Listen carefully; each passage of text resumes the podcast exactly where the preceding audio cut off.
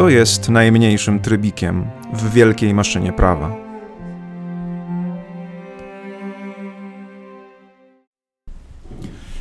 Dzień dobry, witam Państwa e, na naszym kolejnym spotkaniu, na kolejnym wykładzie. E, jesteśmy cały czas w takiej, na takim etapie wprowadzenia do e, tych bardziej szczegółowych czy takich bardzo ważnych, bo dotyczących konkretnych koncepcji filozoficzno-prawnych rozważań po to, żeby e, unaocznić jedną rzecz, która akurat dla filozofii czy dla teorii filozofii prawa jest kluczowa, mianowicie, że jest to nauka, która pokazuje to, co wszystkie gałęzie prawa mają wspólnego. Więc jest ona taką nauką, która sprzeciwia się tendencji uniwersyteckiej. Tendencja uniwersytecka to jest taka tendencja walczenia o swój kawałek i pokazywania, że mój kawałek, czy to jest prawo cywilne, czy prawo karne, czy prawo administracyjne, albo poszczególne postępowania, albo poszczególne przedmioty, że on ma charakter sui generis w jakiś sposób, że on się rządzi swoimi prawami. Takie odśrodkowe działania nauk poszczególnych, szczegółowych są w pewnym sensie groźne, dlatego że jeżeli każda nauka ma swoją metodologię i każda nauka ma swój pomysł i nie wiem, ma swoją metodologię na przykład interpretacji, no to to jest kłopot, dlatego że właściwie nie za bardzo wiadomo, jak je porównać ze sobą. No bo jeżeli prawo karne czy nauka prawa karnego twierdzi, że ma swoje metody interpretacji, nauka prawa cywilnego y, twierdzi, że ma swoje zasady interpretacji i tak dalej, i tak dalej, no to właściwie robią nam się takie silosy dotyczące poszczególnych zagadnień, y, właśnie karnych czy, czy cywilnych, i nie za bardzo można wytwarzać mm, twierdzenia, które mają taką ważność powszechną. To trochę tak jakby, nie wiem, w fizyce uważać, że w zależności od tego, gdzie odbywa się jakaś praktyka, jakieś działanie, no to zasady nią rządzące są inne. No byłoby to absurdalne. No więc filozofia prawa, jako ten przedmiot podsumowujący te wszystkie wysiłki, no próbuje jednak pokazać, że to nie jest sui generis, że są pewne podobieństwa albo tożsamość nawet i jest więcej rzeczy, które łączą te wszystkie spojrzenia na prawo, niż rzeczy, które je dzielą. I dzisiaj ja także chcę o jednej takiej kwestii powiedzieć, która jest absolutnie wspólna dla wszystkich gałęzi prawa, a tą rzeczą wspólną, czy tym pytaniem wspólnym, co to takiego jest, jest pytanie, które kiedyś zadał Joseph Russ. Joseph Russ to jest cały czas żyjący, jeden z największych filozofów prawa, który jest związany przede wszystkim z Oxfordem, to jest taka mekka filozofii prawa, e, kiedy później będziemy omawiali e, i pracę Herberta Harta i Ronalda Dworkina, to zobaczycie, że ta filozofia prawa w Oksfordzie no, była w wieku XX ewidentnie najsilniejszym ośrodkiem na świecie. I Joseph Russ, jako jeden z członków tej szkoły oksfordzkiej, napisał w latach 80. taką książkę, która była zatytułowana Pojęcie systemu prawa. I zadał w tym pytanie, w, tym, w, tym, w, tym, w tej książce pytanie, które cały czas nas zastanawia, mianowicie, co jest najmniejszym elementem systemu prawa? To jest tak zwane pytanie o indywiduację, czyli o to, co jest najmniejszym elementem w systemie prawa. I teraz to pytanie pewnie nie brzmi jako, jak, jakoś strasznie sexy teoretycznie czy praktycznie, no bo to takie może, nie wiem, pytanie, jakie zadawała, zadawała sobie scholastyka, prawda, ile aniołów zmieści się na czubku szpilki, prawda, to, to są, wydają się, wydaje się, że to są pytania niepraktyczne. No, co to nas obchodzi, jaki jest najmniejszy element e, e, systemu prawa, skoro my tu mamy do rozstrzygnięcia ważne kwestie społeczne, e, musimy ścigać przestępców, musimy ściągać podatki, musimy wykonywać umowy. Ale jak zobaczycie, i taki jest cel tego wykładu, dobrze postawione pytanie teoretyczne jest bardzo ważne dla kwestii praktycznych, no pod warunkiem właśnie, że jest dobrze postawione. Akurat raz, jako bardzo mądry człowiek, to pytanie postawił bardzo dobrze. Co jest najmniejszym elementem systemu prawa? Otóż, kiedy zadamy sobie to pytanie, no to pojawia nam się od razu pewna możliwa odpowiedź. No, no takim elementem zapewne jest przepis, tak? przepis prawny. Ale co to jest przepis prawny? W jaki sposób zdefiniujemy przepis prawny? E, no, jest z kolei nasza Mekka filozofii prawa, czyli Poznań, bo Poznań w wieku XX był miejscem, gdzie pracowali najwybitniejsi polscy teoretycy prawa, czyli m.in. profesor Zygmunt Ziembiński, profesor Maciej Zieliński, pani profesor Wronkowska. E, szkoła poznańska wytworzyła pewną teorię interpretacji podejścia do prawa, rozumienia tego, czym jest najmniejszy element w systemie prawa, takie oto podejście, które po jakiejś ocenie, po 20-30 latach od jego wytworzenia, można uznać za osiągnięcie na poziomie światowym. I zaraz o nim powiem. Natomiast to właśnie w Poznaniu między innymi profesor Ziembiński, Zieliński zdefiniował przepis jako zdanie tekstu prawnego brane od kropki do kropki. Tak? Zdanie tekstu prawnego brane od kropki do kropki. No i to jest definicja taka która jest dosyć łatwa do zastosowania, bo to oznacza oczywiście, że dany artykuł może mieć kilka przepisów w sobie, jeżeli tylko ma kilka zdań. Natomiast dlaczego zdanie? No, to, to nie jest do końca jasne. Tego e, szkoła poznańska dokładnie nie wyjaśnia. Być może takie, taka decyzja została podjęta ze względów praktycznych, by łatwo wyodrębnić. Ja wrócę za chwilę do e, tej koncepcji, o której Wam powiedziałem na samym początku, czyli tej, którą ja się staram wytwarzać. Znaczy, że tekst prawny jest opisem świata możliwego. I można by było powiedzieć, że akurat to spostrzeżenie szkoły poznańskiej, że przepis jest zdaniem od, y, od kropki do kropki, jest zgodne z tą koncepcją, że tekst prawny postuluje pewien świat możliwy, bo zdanie postuluje sytuację. Tak, zdanie postuluje sytuację. My nieraz myślimy, że z kolei najmniejszym elementem języka jest słowo czy wyraz. To nieprawda. Słowo i wyraz jest tylko takim składnikiem najmniejszej cząstki języka, czyli zdania, które mówi coś o świecie. Właśnie zdanie nieprzypadkowo ma podmiot i orzeczenie, czyli mówi o jakimś zjawisku, o jakiejś, jakiejś osobie, o rzeczy i o tym, co się z nią dzieje. I to nam przekazuje takie minimum informacji, żebyśmy mogli w ogóle cokolwiek z tą informacją zrobić. Bo jeżeli po prostu teraz powiem kot, to to nic nie mówi o świecie. To jest po prostu słowo, ale jeżeli powiem tam jest kot, to już jest zdanie i to już coś nam mówi o świecie. Prawda? Więc okazuje się, że zdanie jest ważne. Zdanie jest ważne w naszym życiu, dlatego że ono nam przekazuje najprostsze informacje o świecie, a w tej koncepcji, o której mówiłem na pierwszych zajęciach, to znaczy, jeżeli potraktujemy tekst jako zbiór zdań, które opisują świat możliwy, to zdanie tekstu prawnego opisuje sytuację możliwą. Na przykład, y, kto zabija człowieka, podlega karze. To jest zdanie, które pokazuje jakąś sytuację w świecie. W obszarze zabudowanym kierowca porusza się z prędkością nie większą niż 50 km na godzinę. To jest zdanie, które postuluje pewnego rodzaju sytuację i już mam jakiś początek tego świata, który ja mam przez prawo zrealizować. To ma być dokładnie taki świat, w którym kto zabija człowieka podlega karze, a ludzie jeżdżą 50 km na godzinę w zabudowanym. To ma być ten świat, to ma być ten postulowany świat. I, I, tutaj możemy sobie powiedzieć, że jest pewna kompatybilność pomiędzy tym, co mówi szkoła poznańska. I pierwsza odpowiedź na pytanie, co jest najmniejszym elementem systemu prawa, to jest właśnie ta odpowiedź. Jest to przepis. Znaczy, to jest raczej propozycja odpowiedzi, ponieważ szkoła poznańska od razu nam mówi, że to jest błędna odpowiedź. Że to jest błędna odpowiedź, że przepis nie jest najmniejszym elementem systemu prawa, natomiast najmniejszym elementem systemu prawa, zgodnie z nauczaniem szkoły poznańskiej, jest norma prawna. Tak? Norma prawna. I jak pamiętacie jeszcze z pierwszego roku, mam nadzieję, to kluczowe rozróżnienie między przepisem prawnym a normą prawną Znowu, wydaje się może teoretyczne, ale ma ogromną doniosłość, ogromną doniosłość y, praktyczną, o której zaraz powiemy. Co więcej, to właśnie odkrycie jest elementem y, teorii tak zwanej derywacyjnej koncepcji wykładni, która jest przez Szkołę Poznańską wytworzona głównie przez profesora Ziembińskiego, profesora Zielińskiego i pani profesor Wronkowską. To jest odkrycie, którego do tej pory na przykład anglosaska nauka nie potrafi, nie potrafi odkryć. To znaczy profesor Zieliński napisał tę swoją pracę, swój doktorat w roku chyba 72, jeżeli dobrze pamiętam, swój doktorat pod tytułem Interpretacja jako dekodowanie tekstu prawnego, gdzie już y, ta, to rozróżnienie było obecne, a ono było jeszcze w latach 60. odkryte przez profesora Ziembińskiego. A anglosasi, którzy no, słusznie w wielu obszarach naszej dyscypliny są uznawani absolutnie za, za awangardę, ciągle nie mogą do tego dojść, że tak jest i dlaczego to jest takie ważne. Więc tutaj absolutnie jako Polacy możemy być dumni z tego, że takie odkrycie zostało dokonane. Więc co, dlaczego norma jest najmniejszym elementem, a nie przepis? No to już wynika z założeń koncepcji derywacyjnej, która mówi, że prawodawca mówi do nas normami.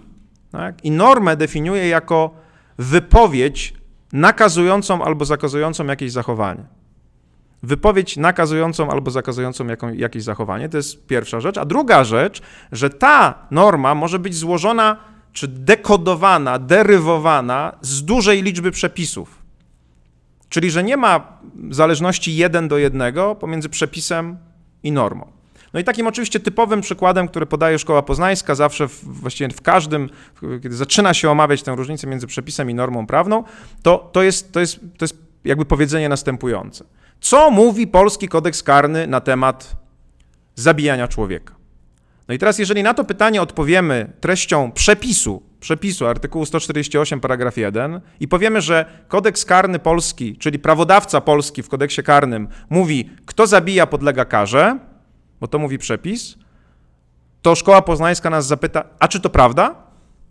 Czy prawdą jest, że zgodnie z polskim kodeksem karnym, kto zabija człowieka podlega karze? I odpowiedź jest nie. Dlatego, że są jeszcze inne sytuacje, które mogą tę, na przykład kontratypy, które powodują, że sytuacja zabijania nie jest adekwatnie opisana przez zdanie, kto zabija człowieka podlega karze. Jeszcze nawet jak je całkowicie przeczytamy, kto zabija człowieka podlega karze i tam jest 8, chyba 25, to też nie jest prawda, dlatego że ktoś może zabić tak, że będzie podlegał innej karze, bo są różne inne typy zabijania człowieka w kodeksie karnym. Więc powiedzą nam poznaniacy, jak spojrzycie na to w taki sposób, to zrozumiecie, że norma prawna jest dlatego podstawowym elementem systemu prawa, że ona jest pełną wypowiedzią prawodawcy na temat jakiegoś, jakiejś kwestii, na przykład zabijania człowieka. I profesor Zieliński zawsze tłumaczył, że gdyby chciano zapisać pełną normę prawną dotyczącą zabijania człowieka, to pewnie trzeba by było zapisać z kilka stron, dlatego że trzeba było właśnie uwzględnić wszystkie, e, kontra, wszystkie typy, wszystkie kontratypy, uwzględnić definicyjne elementy. No takim prostym, e, prostym pokazaniem, jak to działa, jest na pewno twierdzenie, że co najmniej z dwóch przepisów, czyli 148 i 25, czyli obrony koniecznej, można stworzyć jakąś taką całość, która będzie brzmiała mniej więcej tak, kto zabija człowieka podlega karze, chyba że działa w obronie koniecznej. To będzie taka, taki amalgamat, można powiedzieć, stworzony z tych przepisów, który nazwiemy normą. To jest tylko część normy, to jest tylko kawałek tej wypowiedzi prawodawcy na jakiś temat. No i, i znowu możecie, możecie tutaj sobie pomyśleć, że to jest dzielenie włosa na czworo, że to jest jakaś teoria, która do niczego nie jest potrzebna, ale okazuje się, że przy pomocy niewłaściwego użycia tej teorii można rozmontować praworządność w dużym europejskim kraju, jak się okazuje. Okazuje się, że można. Mianowicie, kiedy popatrzymy na praktykę Trybunału Konstytucyjnego od jego powstania do dzisiaj, to akurat tam bardzo mocno się przyjęła ta poznańska koncepcja odróżniająca przepis od normy prawnej. I to jest bardzo ciekawe, bo oczywiście sąd konstytucyjny to już nie są przelewki, to już nie jest jakaś teoria. Tak? Sąd Konstytucyjny, Trybunał Konstytucyjny to jest poważny sąd. Jeżeli on uwzględnia w swoim orzeczeniu, orzecznictwie takie rozdzielenie, no to to znaczy, że ono ma sens. I teraz kiedy on je rozróżnia? No jak składacie wniosek do Trybunału Konstytucyjnego, to po co go składacie? No chcecie wyeliminować coś z systemu prawa. Więc chcecie pokazać, że jest sprzeczność na przykład pomiędzy czymś, co jest w ustawie, a czymś, co jest w konstytucji. Albo czymś, co jest w traktacie, europejskim i w konstytucji, albo w czymś, co jest w rozporządzeniu i w ustawie. Ale czym? Pomiędzy czym a czym tak naprawdę chcecie pokazać różnicę? No właśnie, znowu musicie sobie zadać razowe czy razowskie pytanie o individuation, o tą indywiduację, o to, co jest tym elementem. Jak składacie wniosek, to skarżycie przepis. Tak? Musicie wskazać fragment tekstu prawnego. Tak? Konkretny artykuł, nieraz nawet go się wskazuje, właśnie zdanie drugie, akapit drugi, na przykład jak spojrzycie do tego wniosku, który premier Morawiecki złożył ostatnio do Trybunału Konstytucyjnego, no to tam są w traktacie wymienione po prostu kolej, konkretne przepisy, konkretne zdania, na przykład akapit, tak? Artykuł 4 ustęp 3, tak? artykuł 1 akapit 2, czyli to są jednostki, które są zdaniami, czyli atak, jakby at challenge'ujecie przepis, atakujecie przepis. Ale jak spojrzycie trochę głębiej, to można powiedzieć, że właściwie to chcecie ocenić zgodność normy. Dlatego, że ten wniosek bardzo często brzmi tak, i na przykład ten wniosek premiera też tak brzmi. Na przykład mówi się o artykule 19 traktatu w związku z artykułem 2 traktatu. Co to znaczy w związku? Co to one mają za związek, te przepisy? Tak? To znaczy, że musi istnieć jakaś przestrzeń, teoretyczna przynajmniej, w której one się gdzieś spotykają, są łączone.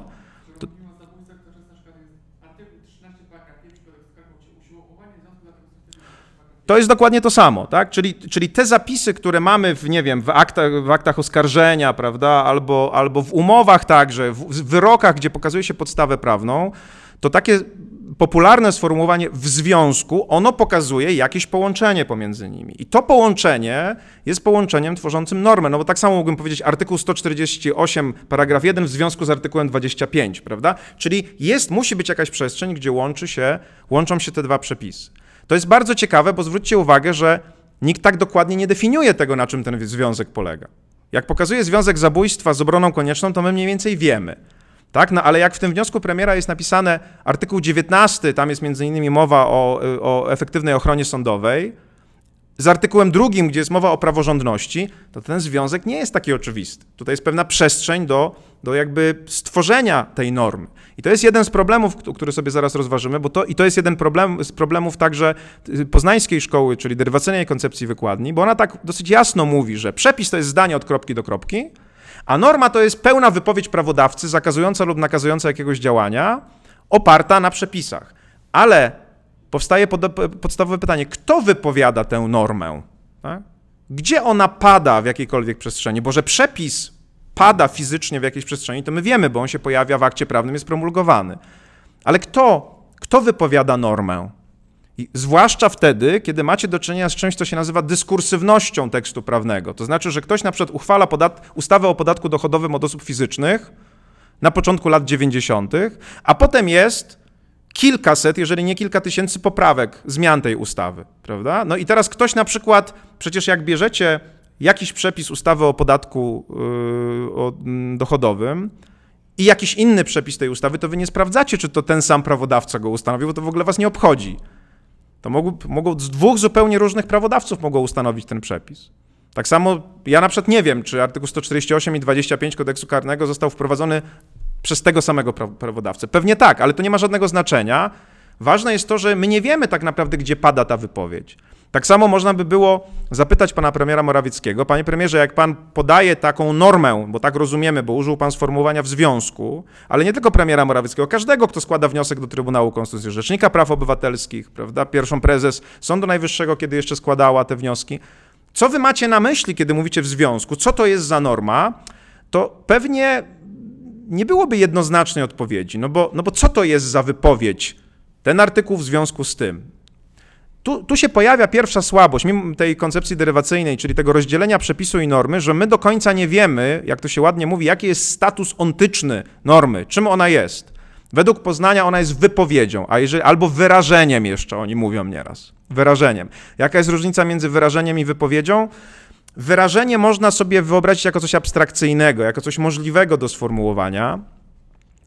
Yy, nieraz oni nawet mówią choćby pomyślaną wypowiedzią, czyli ona nie musi paść realnie, ale tutaj już się zaczynają schody, bo co znaczy choćby pomyślaną? Przez kogo pomyślaną? Jak ja pomyślę ją inaczej niż premier, to, to co jest normą? To, co ja pomyślałem, czy to, co premier? No to jasne, że to, co premier, nie? Bo premier ważniejszy. Ale jak dwóch prawników będzie sobie myślało, co to znaczy w związku i będzie między nimi różnica, no to co, to, to co jest normą? No to ktoś to musi rozstrzygnąć, no może to co sąd, prawda? Myślę, że widzicie, że jeżeli nie ma takiej namacalności bardzo wyraźnej, no to, no to z tym jest jakiś problem. Problem szkoły poznańskiej polega na tym, że definiując normę jako wypowiedź albo wyrażenie, jeżeli może tak, jeżeli jeszcze definiują jako wyrażenie abstrakcyjne, to jeszcze w pewnej koncepcji języka sobie można to wyobrazić. To jest możliwe do sformułowania, wypowiedź możliwa do sformułowania. No ale My chyba nie chcielibyśmy być kierowani w naszym życiu możliwymi do sformułowania wypowiedziami, tak? tylko realnymi wypowiedziami jakiegoś prawodawcy. A my wiemy już, że realną wypowiedzią prawodawcy jest tylko przepis, a nie norma. No bo, no bo ten przykład, kiedy biorę dwa przepisy z zupełnie innych okresów, ale one oba obowiązują, pokazują, że to nie jedna osoba mówi. Kiedy szkoła poznańska próbowała iść w kierunku wypowiedzi, to, to następuje problem, który jest problemem znowu językowym, bo Język analizuje się w trzech aspektach. W analizie, analizuje się go semantycznie, co do znaczeń, to semantyka się tym zajmuje, syntaktycznie, czyli co do budowy, syntaktyka się tym zajmuje, czyli składnia, i pragmatycznie, to znaczy w jaki sposób on funkcjonuje w świecie, jak działa w kontekście, kto się nim posługuje. I o ile jeszcze można powiedzieć, że wyrażenie czy wypowiedź to jest kategoria semantyczna albo syntaktyczna, no to trzeba odpowiedzieć na pytanie, czy ona jest kategorią pragmatyczną, to znaczy, czy ona pada w jakimś konkretnym właśnie momencie i kto ją wypowiada. No i tutaj wypowie- odpowiedź już nie jest łatwa, bo ona prawdopodobnie przez nikogo wypowiadana nie jest. Jeżeli za 10 lat ktoś znowu będzie chciał zaskarżyć coś do Trybunału Konstytucyjnego i sobie wybierze inne przepisy, które ze sobą połączy, a one jeszcze się trzy razy zmienią, to gdzie będzie ta wypowiedź, która ma być tą normą prawną? No stąd tutaj mamy ciekawą propozycję, że to nie przepis jest, jest tą, tą jednostką, tylko norma prawna. Stąd możemy w ogóle wywieźć jeszcze inne, działa, inne, inne praktyczne konsekwencje. Na razie zostawmy ten, a może skończmy ten problem, bo, bo potem zapomnę i nie będę już miał do niego wrócić. Więc co można by było szkole poznańskiej powiedzieć? Oni mają rację, czy nie mają racji? Że jak proponują to rozróżnienie między przepisem i normą. Mają rację. Różnica jest. Jest coś takiego, co można by było nazwać dwupoziomowością języka prawnego. Na pierwszym poziomie są przepisy, na drugim poziomie są normy. To, czym, w czym moim zdaniem oni się mylą, to, to właśnie co do tego statusu ontycznego normy. Ona nie jest wypowiedzią i ona nie jest wyrażeniem, bo nie ma nikogo, kto ją wypowiada, a jakby ją sobie wyobrazić, to ona nie może działać w świecie, bo wyobrażone wypowiedzi nie działają. Ja codziennie mam wiele wyobrażonych wypowiedzi w głowie, ale na szczęście ich nie wypowiadam, bo jakbym wypowiedział, to by zadziałały prawdopodobnie ze szkodą dla mnie i skończyłyby się na przykład pozwami o zniesławienie. Więc wy, wymyślone czy wyobrażone wyrażenie nie działa w świecie, nie ma mocy, no więc nie może być normą. No więc czym jest ta norma? W tej koncepcji, którą ja staram się rozwijać, uważam, że norma jest reprezentacją mentalną w umyśle prawnika. Tak? Jest reprezentacją mentalną w umyśle prawnika. To nie jest zbyt takie oczywiste ani nawet popularne stwierdzenie, bo na przykład ci poznaniacy, z którymi ja tam się spieram od wielu, wielu lat co do tego statusu tej normy, mówią mi, no ale tak nie może być, bo to by oznaczało, że co umysł to norma. Tak? Że każdy sobie inaczej właśnie wyobraża, a w związku z tym każda norma jest inna. No ale znowu z drugiej strony można powiedzieć, że my tak już funkcjonujemy, że posługujemy się językiem i każdy ma osobny umysł, ale jednak, jak mówię, kot, albo krowa, albo las, to jesteśmy w stanie się dogadać. No pewnie trochę inaczej sobie ten las reprezentujecie niż ja, czy tego kota, czy tego, tę krowę, ale ta reprezentacja nie jest całkowicie odmienna. Dlaczego ona nie jest całkowicie odmienna? Bo mamy wspólne wyposażenie kognitywne, wytworzone przez ewolucję, myślowe, mamy te, tak samo mniej więcej funkcjonujące neurony, synapsy, nasz mózg funkcjonuje podobnie, tak samo podobnie widzimy świat. I w związku z tym doświadczamy też świata, który jest bardzo podobny, no bo nawet jeżeli doświadczyliście w swoim życiu innych psów niż ja, czy innych krów niż ja, to one mają coś wspólnego, one nie są całkowicie różne, a więc wyposażenie kognitywne, umiejętność patrzenia na świat, budowa mózgu, e, pamięć, wyobraźnia, to są pewne wyposażenia, które mimo że trochę inne te obrazy w głowie produkujemy, one są na tyle podobne, że na przykład jesteśmy je w stanie nazwać tymi samymi słowami. Więc ja mogę opisać swoją reprezentację mentalną kota, krowy, czy drzewa, czy lasu, i tak samo mogę opisać wam moją reprezentację mentalną tego, co ja widzę w tekście prawnym, tego, co on mi pokazuje. No dzisiaj między innymi to zrobiłem na przykładzie artykułu 148 i artykułu 25. Więc jest oczywiście ryzyko, że ta norma jest trochę subiektywna, ale jak sobie powiedzieliśmy, propozycja szkoły poznańskiej, żeby traktować normę jako wypowiedź, nie jest mniej subiektywna, bo my nie wiemy, czyja to jest wypowiedź. A jak ona jest wyobrażona, to też jest subiektywna, bo, bo, bo tak jak reprezentacja jest w umyśle, a nie, nie w świecie. Dlaczego lepiej myśleć o reprezentacji mentalnej? Bo wtedy mamy przynajmniej jedną rzecz załatwioną. Wiemy, że my potrzebujemy odbiorcy tekstu prawnego, żeby norma w ogóle powstała. Że prawodawca mówi przepisami, a później prawnik sobie składa te kawałki do kupy w głowie i jeszcze jedną rzecz zyskujemy. Szkoła poznańska, właściwie profesor Zieliński zawsze mówił, że prawnik, no nie wiem, chociaż raz w życiu musi odtworzyć pełną normę prawną z tekstu prawnego, czyli właśnie na przykład taką pełną normę dotyczącą zabójstwa. Ta koncepcja, która mówi, że norma nie jest wypowiedzią, tylko jest reprezentacją mentalną, nie nakłada takiego obciążenia na prawnika, bo on musi tylko taki kawałek tekstu odtworzyć, który jest mu potrzebny do oceny rzeczywistości. Na przykład profesor y, y, Lech Morawski, który był krytykiem szkoły poznańskiej w swoich wybitnych pracach teoretycznych, zawsze mówił, że on ma pewien problem z koncepcją derywacyjną, która oddziela przepis od normy i mówi, że norma jest pełną wypowiedzią prawodawcy. No bo jak mamy przepis y, kodeksu karnego, który mówi o sprowadzeniu niebezpieczeństwa katastrofy w ruchu powietrznym, lądowym czy morskim, to naprawdę musi być Armagedon, żeby trzeba było odtworzyć te wszystkie trzy, tak? Żeby jedna katastrofa w rzeczywistości spełniała wszystkie te trzy kryteria, żeby była w lądowym, morskim i, i, i, i powietrznym. Tak naprawdę rzeczywistość jest mniejsza jak gdyby niż ten przepis i my odtwarzamy wzorzec tylko taki, jaki potrzebujemy. Jak jest katastrofa w lądowym, no to odtwarzamy lądową. Jak jest w morskim, to odtwarzamy morską, prawda?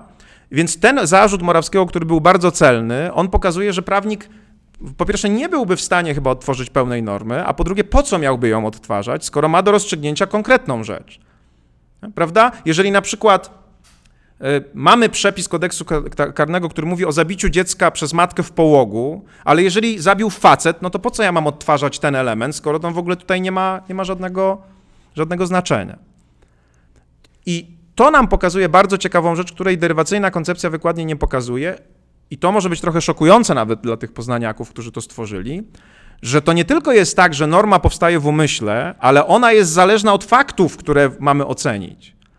Ale z kolei ta, ta, ta, wizja jest zgodna z tą koncepcją, o której mówiłem na początku, bo ja jako prawnik, sędzia, prokurator, ktoś, kto ocenia rzeczywistość i chce ją prawnie zakwalifikować, ja pracuję na dwóch reprezentacjach. Mam reprezentację świata rzeczywistego, Mogę ją mieć bezpośrednio, kiedy jestem policjantem, który na suszarkę próbuje sprawdzić, czy nie jedziecie za szybko. To też nie jest bezpośrednia reprezentacja, bo on nie wie sam z siebie, czy jedziecie za szybko. Jest bardzo trudno ocenić wzrokowo, czy jedziecie za szybko. Ma urządzenie, które mu pokazuje, że jedziecie za szybko, więc tak naprawdę ma zapośredniczony świat a więc ma jakąś reprezentację, ma reprezentację świata i mówi, ten delikwent jedzie 85 i pamięta reprezentację z tekstu prawnego, z kodeksu drogowego, że ma jechać 50 i wie, że jest niezgodność i go zatrzymuje i daje mandat, żeby następnym razem ta niezgodność nie występowała.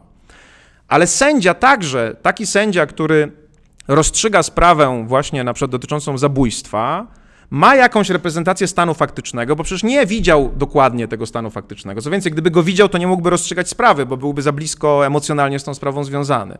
Więc stan faktyczny jest mu dostępny w relacjach, tak? w tekstach, w opisach, w akcie, w akcie oskarżenia, w zeznaniach świadków i on też przecież je czyta i wytwarza sobie reprezentację numer jeden, reprezentację świata, a później wytwarza sobie reprezentację numer dwa, czyli reprezentację tekstu z normy wytwarza. Co więcej, jak się popatrzy na te takie teoretyczne, tutaj już nie Poznań, ale Łódź tutaj jest bardziej istotna, czyli profesor Wrublewski, który mówił, jaki, jaki jest proces stosowania prawa, gdzie generalnie, w różnych momentach to było różnie, ale generalnie najpierw odtwarza się normę, a później poznaje się fakty i później dokonuje się subsumpcji, to powstaje pytanie, skąd wiesz, jaką normę masz odtworzyć, skoro nie wiesz, jaki jest stan faktyczny? Tak? Skoro nie wiesz, czy zabiła kobieta w połogu, czy mężczyzna, to skąd wiesz, jaką normę masz odtworzyć? No, Zieliński powie, Zawsze całą. No ale czasu nie jest tak dużo, a poza tym wiemy, że tak nie robimy. Tak? Skoro nie wiesz, w jakim ruchu była katastrofa, czy w lądowym, czy morskim, czy powietrznym, to skąd wiesz, który kawałek odtworzyć? Więc to pokazuje, że tak naprawdę proces stosowania prawa nie zaczyna się od otworzenia normy, tylko zaczyna się od wytworzenia reprezentacji stanu faktycznego. I ten stan faktyczny wybiera nam niejako z tekstu prawnego te rzeczy, te elementy, te reprezentacje, które nam są potrzebne. To nie zawsze jest też oczywiste.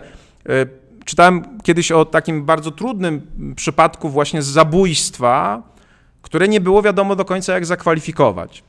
Wyobraźcie sobie to, że jest mieszkanie w bloku, gdzieś tam, nie wiem, 18. E, ojciec z matką oglądają sobie telewizor i syn sobie z nimi ogląda. I syn niestety był jakoś tam zaangażowany w jakieś nieczyste interesy, prawdopodobnie związane z, z handlem narkotykami. Nagle przychodzi dwóch rosłych młodzieńców, prawda, z pałkami baseballowymi, i prosi go do kuchni. I on wychodzi z nimi do kuchni i tam mają nieprzyjemną rozmowę, bo prawdopodobnie jest mu winny, y, on jest im winny pieniądze.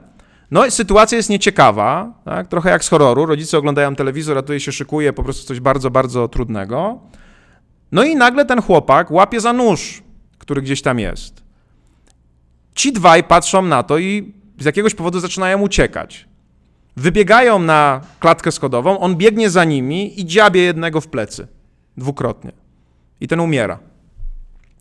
No i teraz bądź mądry i to rozstrzygnij, co tutaj się zdarzyło. Prawda? Co się zdarzyło? No, to jest stan faktyczny jakiś. Tak? On nie mówi nam, nie pokazuje nam numerka w kodeksie karnym, który mamy wybrać. No wiemy, że zginął człowiek, no to przynajmniej roboczo możemy założyć, że 148 i okolice będą zastosowane.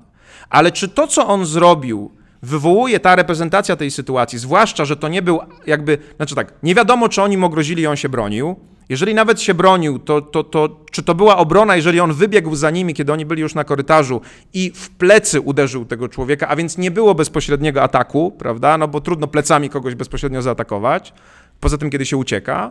No więc ten, ta sytuacja wymaga trochę takiego ping-ponga intelektualnego między stan faktyczny, reprezentacja tekstu, stan faktyczny, reprezentacja tekstu. Najpierw sytuacja, która pierwsza nam przychodzi do głowy, no jednak jest martwy człowiek, który został uderzony nożem. No to to nam wywołuje 148. Ale no jednak ci gościowie przyszli uzbrojeni, prawda, bo mieli jakieś niebezpieczne narzędzia. Ten facet mógł się bać, że oni coś mu zrobią. Y, nie był, nie przygotowywał sobie tego, oglądał telewizję, tylko miał, wziął nóż, no to jest jakiś element obrony koniecznej, tak? No to pewnie 25. Ale z drugiej strony pewnie przekroczył granicę tej obrony koniecznej, bo jednak ich gonił tam, tak? No i Bądź teraz mądry. Ale nie, nie, ja nie jestem karnistą, wy być może niektórzy też nie, ale to nie w ogóle żadnego znaczenia, jak to zakwalifikujecie. Chodzi tylko o to, żeby pokazać, jak to tutaj ze sobą działa, znaczy co, co się stało. To, to jest pewnego rodzaju decyzja jednak, zwróćcie uwagę. To, to jest właśnie to, co, czego ludzie, którzy nie są prawnikami, często nie rozumieją, że no to nie jest tak, że stany faktyczne przychodzą z nalepkami, zakwalifikuj mnie według artykułu X. No nie, to my to musimy zrobić. I nieraz sytuacje są dwuznaczne. Nieraz są dwuznaczne. I tu się pojawia jakaś oczywiście dyskrecjonalność prawnika, który sobie z, tej, z, tego, z, z tego musi coś tam wyprowadzić. Więc ta sytuacja pokazuje, że jeżeli przejdziemy z tej koncepcji poznańskiej, która już, jak powiedziałem, jest zaawansowana, bo ona przynajmniej rezygnuje z tego złego założenia, że przepis jest najmniejszym elementem systemu prawa i idzie wyżej i mówi norma, tylko myli się co do jej statusu, moim zdaniem. Tę normę nie powinniśmy jej traktować jako wypowiedź czy wyrażenie, ale właśnie jako reprezentację mentalną, która się wytwarza w naszym umyśle, na skutek interakcji reprezentacji mentalnej stanu faktycznego i reprezentacji mentalnej y, tekstu. I teraz wracam jeszcze do tego Trybunału Konstytucyjnego. Tam się jeszcze więcej rzeczy dzieje w przestrzeni między przepisem prawnym a normą prawną. Bo zobaczcie, te tak zwane orzeczenia interpretacyjne, które budzą, zawsze budziły wątpliwości, to są to są ciekawe zjawiska, takie powiedziałbym prawnicze. Bo normalnie, jak idziecie do Trybunału Konstytucyjnego i macie przepis, który w sposób oczywisty jest niezgodny z konstytucją, to skarżycie ten przepis jako zdanie od kropki do kropki. Oczywiście w uzasadnieniu trochę go interpretujecie, czyli pokazujecie, jaką reprezentację mentalną wy albo ktoś inny sobie wytworzył tego przepisu. No i Trybunał mówi, tak, masz rację, niezgodne z konstytucją, wyrzucam to. I jest ogłoszenie wyroku w Dzienniku Ustaw i to oznacza, że ta jednostka tekstu z tego tekstu wywala, wywalana jest, tak, nie ma jej. I to jest jasna sytuacja. Ale jak jest orzeczenie interpretacyjne, czyli to, które mówi, artykuł X jest niezgodny z konstytucją w zakresie w jakim, albo rozumiany jako, to to już jest inna para kaloszy, bo tutaj niczego się nie wyrzuca z systemu. To ostatnie orzeczenie Trybunału w sprawie traktatu o Unii Europejskiej, przecież ono nie wyrzuciło do kosza żadnego fragmentu traktatu. Nie unieważniło żadnego y, elementu traktatu, tylko w trzech punktach powiedziało, że pewna interpretacja przepisów traktatu jest niezgodna z konstytucją.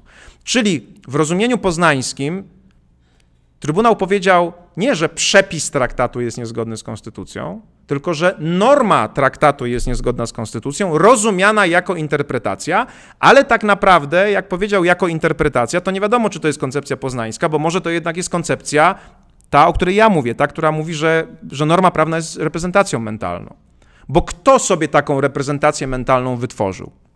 No i tutaj się zaczyna cała jazda intelektualna, bo premier zaskarżył, bo uważa, że CUE sobie wytworzyło taką interpretację.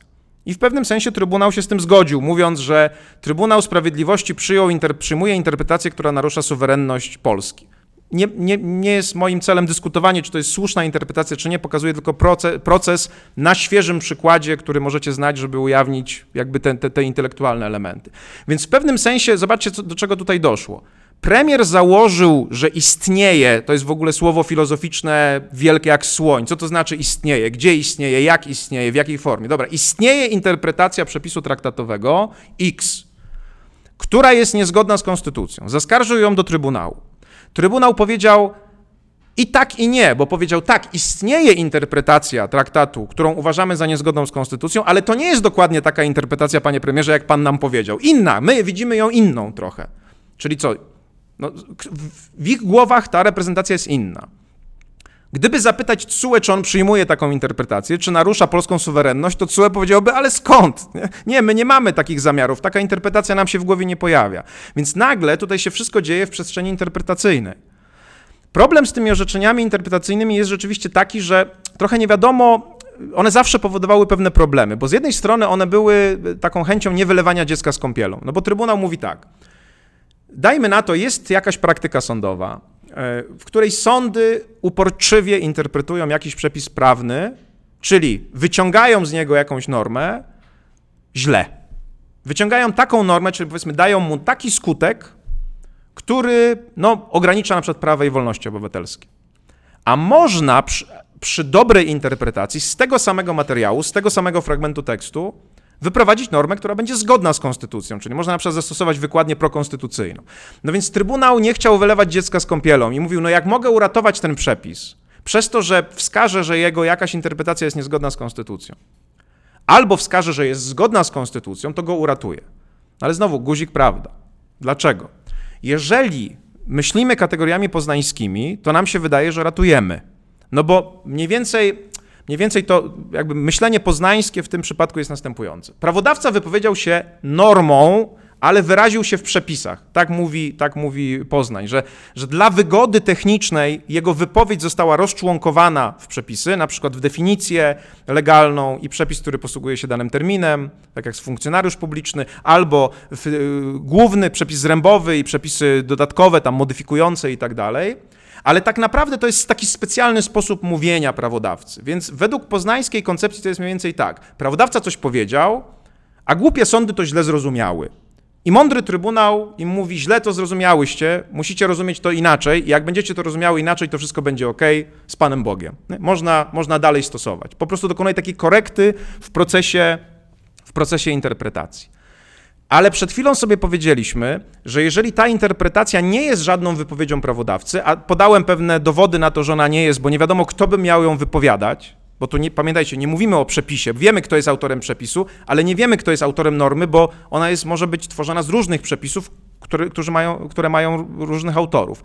Więc jak nie wiemy, kto powiedział, to według jakiego zrozumienia mamy badać to, czy zrozumiał dobrze? Tak? No normalnie takie tradycyjne założenie jest oparte na intencji. Mówimy sobie, prawodawca miał jakąś intencję. No i jeżeli sąd tej intencji nie zrozumiał, to popełnił błąd. Ale jeżeli przepisy, które składają się na normę, zostały stworzone przez trzech różnych prawodawców, to czyja intencja jest wiążąca? Jeżeli głosowało nad nimi 460 posłów w każdym z parlamencie, to, to czyja intencja ma być tutaj wiążąca, jak one były inne? To jest problem, o którym mówiłem, agregacji intencji. Więc ta, to myślenie poznańskie jest tutaj ono jest wygodne, bo ono pozwala uzasadnić praktykę orzeczeń interpretacyjnych, ale jak przyjmiemy to orzeczenie, że norma nie jest wypowiedzią, tylko interpretacją, to pojawia się jeden podstawowy problem, który pokazuje między innymi, dlaczego Trybunałowi odebraliśmy prawo wiążące interpretację ustaw. Pamiętacie, kiedyś miał Trybunał taką możliwość przed rokiem 97. Bo okazuje się, że nie ma interpretacji, czyli jakby nie ma norm abstrakcyjnych w tym sensie, że oderwanych od stanu faktycznego oderwanych od stanu faktycznego. Ta, ta, ten proces tej interakcji między stanem faktycznym a normą, którą odtwarzamy, to znaczy, jak zabija mężczyzna, no to nie potrzebujemy odtwarzać przepisów o, o, o, zabójstwie w połogu. Jak była katastrofa w ruchu morskim, no to nie odtwarzamy lądowej. To jest sytuacja, w której tekst, w której reprezentacja stanu faktycznego układa nam pewną konfigurację przepisów, z której korzystamy. Jeżeli tak jest, to jeżeli w danym momencie, w punkcie X czasowym, na przykład teraz, je, została zaprezentowana jakaś interpretacja przepisu traktatowego, to ona nie wzięła się z sufitu. Ona się wzięła z tego powodu, że sąd, sąd w tym przypadku europejski, czy Trybunał Europejski, musiał ocenić jakiś stan faktyczny. I ten stan faktyczny wy, wyciągnął nam z tego tekstu jakąś normę. I teraz nie ma większego sensu mówienie o tym, że ta norma została niekonstytucyjna, że ona jest niekonstytucyjna, dlatego że jest bardzo małe prawdopodobieństwo, że, że w następnym stanie faktycznym taka sama dokładnie norma zostanie wyprowadzona, bo nie będzie takiego samego stanu faktycznego. Oczywiście można sobie wyobrazić pewne kategorie, tak? ale, ale jeżeli przyłożymy tę miarę, to znaczy, że stan faktyczny wybiera nam to, co my z tekstu wyciągamy, to jeżeli ktoś na przykład przyjmie wiążącą interpretację jakiegoś zbioru przepisów, to to jest strasznie trudne do zaakceptowania w praktyce. Bo co zrobić, jeżeli następnym razem będzie stan faktyczny, który będzie wymagał tylko jednego z tych przepisów, które były wykorzystane do poprzedniej normy, a innego nie? Czy tylko kawałek tej interpretacji niekonstytucyjnej jest wtedy zakazany? Czy, czy tylko kawałek interpretacji konstytucyjnej jest nakazany? Niektórzy zastanawiali się, dlaczego jeszcze długo, długo przed kryzysem praworządności był spór między Trybunałem Konstytucyjnym a Sądem Najwyższym, no bo właśnie Trybunał wydawał orzeczenia interpretacyjne, na przykład kwestionując pewną praktykę sądową, w tym Sądu Najwyższego, mówiąc, nie możecie tak rozumieć. No i później, oprócz kwestii oczywiście opartych na takich relacjach czysto ludzkich, no że tutaj nie będą nam z szucha mówili to, co my tutaj na Krasińskiego robimy, prawda, bo to są zawsze takie relacje, no był jeszcze ten problem, że jak Trybunał wypowiedział się w jakiejś sprawie, czyli w, jak, w sprawie jakiejś interpretacji, w sprawie jakiejś normy, no to wypowiadał się co do interpretacji powstałych na podstawie wcześniejszych stanów faktycznych. I nie było do końca jasne, czy jak pojawiają się nowe stany faktyczne, to w jaki sposób ta interpretacja ma je wiązać, jeżeli one wyprowadzają czy wyciągają z tekstu prawnego coś, coś innego.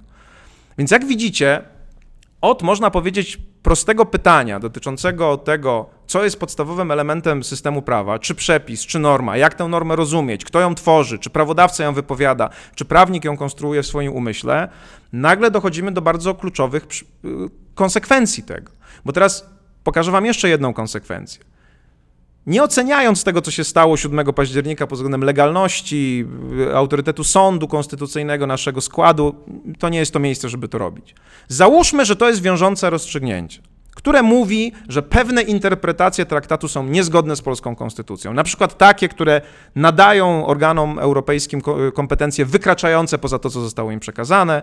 Na przykład takie, które, e, takie interpretacje, które nie pozwalają Polsce być państwem suwerennym czy demokratycznym. Na przykład takie, które powodują e, lekceważenie wyroków Trybunału Konstytucyjnego. Zwróćcie uwagę, jakie to są ogólne sformułowania. Żeby te interpretacje w ogóle działały w rzeczywistości, no to jakiś konkretny sąd, oceniający jakąś konkretną sprawę, no musi je znowu wypełnić treścią. A on będzie miał jakiś swój konkretny stan faktyczny. Tak? I taki sędzia będzie musiał usiąść i popatrzeć na ten wyrok, popatrzeć na ten stan faktyczny i powiedzieć, no co ja mam tutaj zrobić, tak? Czy powołanie sędziego przez neo-KRS, a następnie odmowa innego sędziego orzekania z tym sędzią to jest naruszenie suwerenności Polski, czy nie? Tak? No to pytanie dalej jest do rozstrzygnięcia. Dlaczego? Bo jest konkretny stan faktyczny. To jest konkretny stan. Oczywiście tutaj można powiedzieć, że trzeci punkt wyroku mówi, że nie wolno w ogóle używać tych przepisów unijnych do kwestionowania e, e, powołań.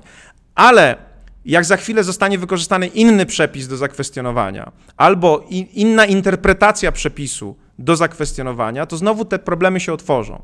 Dlatego Tutaj jest, stoimy przed bardzo drugim, dużym problemem i to nie jest problem związany z tym, że teraz akurat tak się wykorzystuje wyroki interpretacyjne, bo zwróćcie uwagę, że większość tak naprawdę tych spraw, które w ostatnich sześciu latach były rozstrzygane, tych kluczowych, ustrojowych, to były takie sprawy, w których właśnie dawano interpretację, a nie usuwano coś z systemu prawa.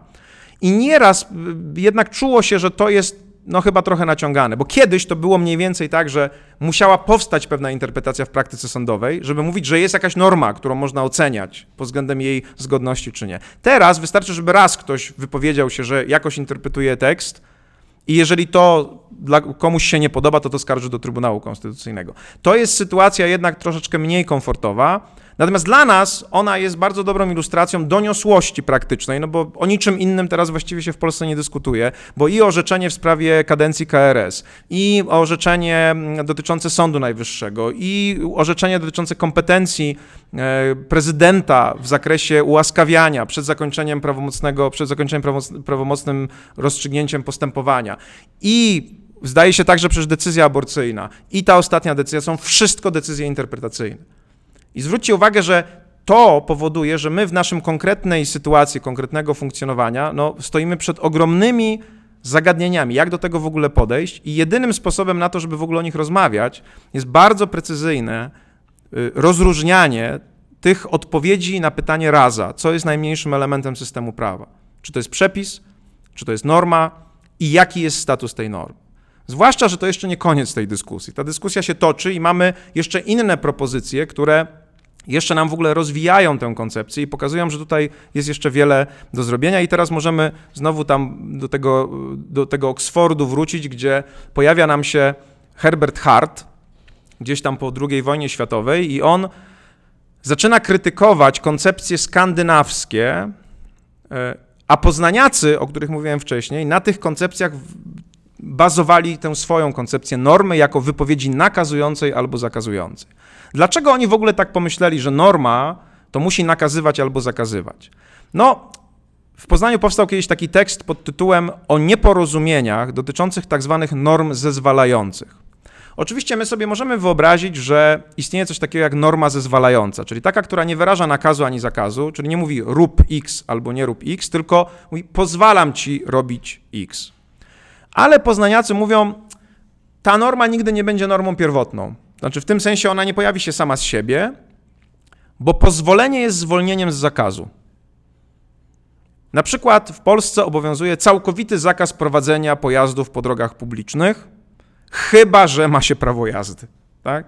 Czyli prawo jazdy jest swojego rodzaju pozwoleniem, czyli zezwoleniem, jest wyłączeniem zakazu. Tak? Nie można prowadzić, ale jak masz, to możesz prowadzić. Czyli to jest taka konstrukcja, która w rozumieniu szkoły poznańskiej jest taką klasyczną sytuacją, że najpierw musi być zakaz albo nakaz, a później musi być wyjątek, który, który zwalnia was. Czyli to taka, nie wiem, taka koncepcja koncesji też na tym jest oparta, prawda? Nie wolno wydobywać kopalin, chyba że wam się pozwoli.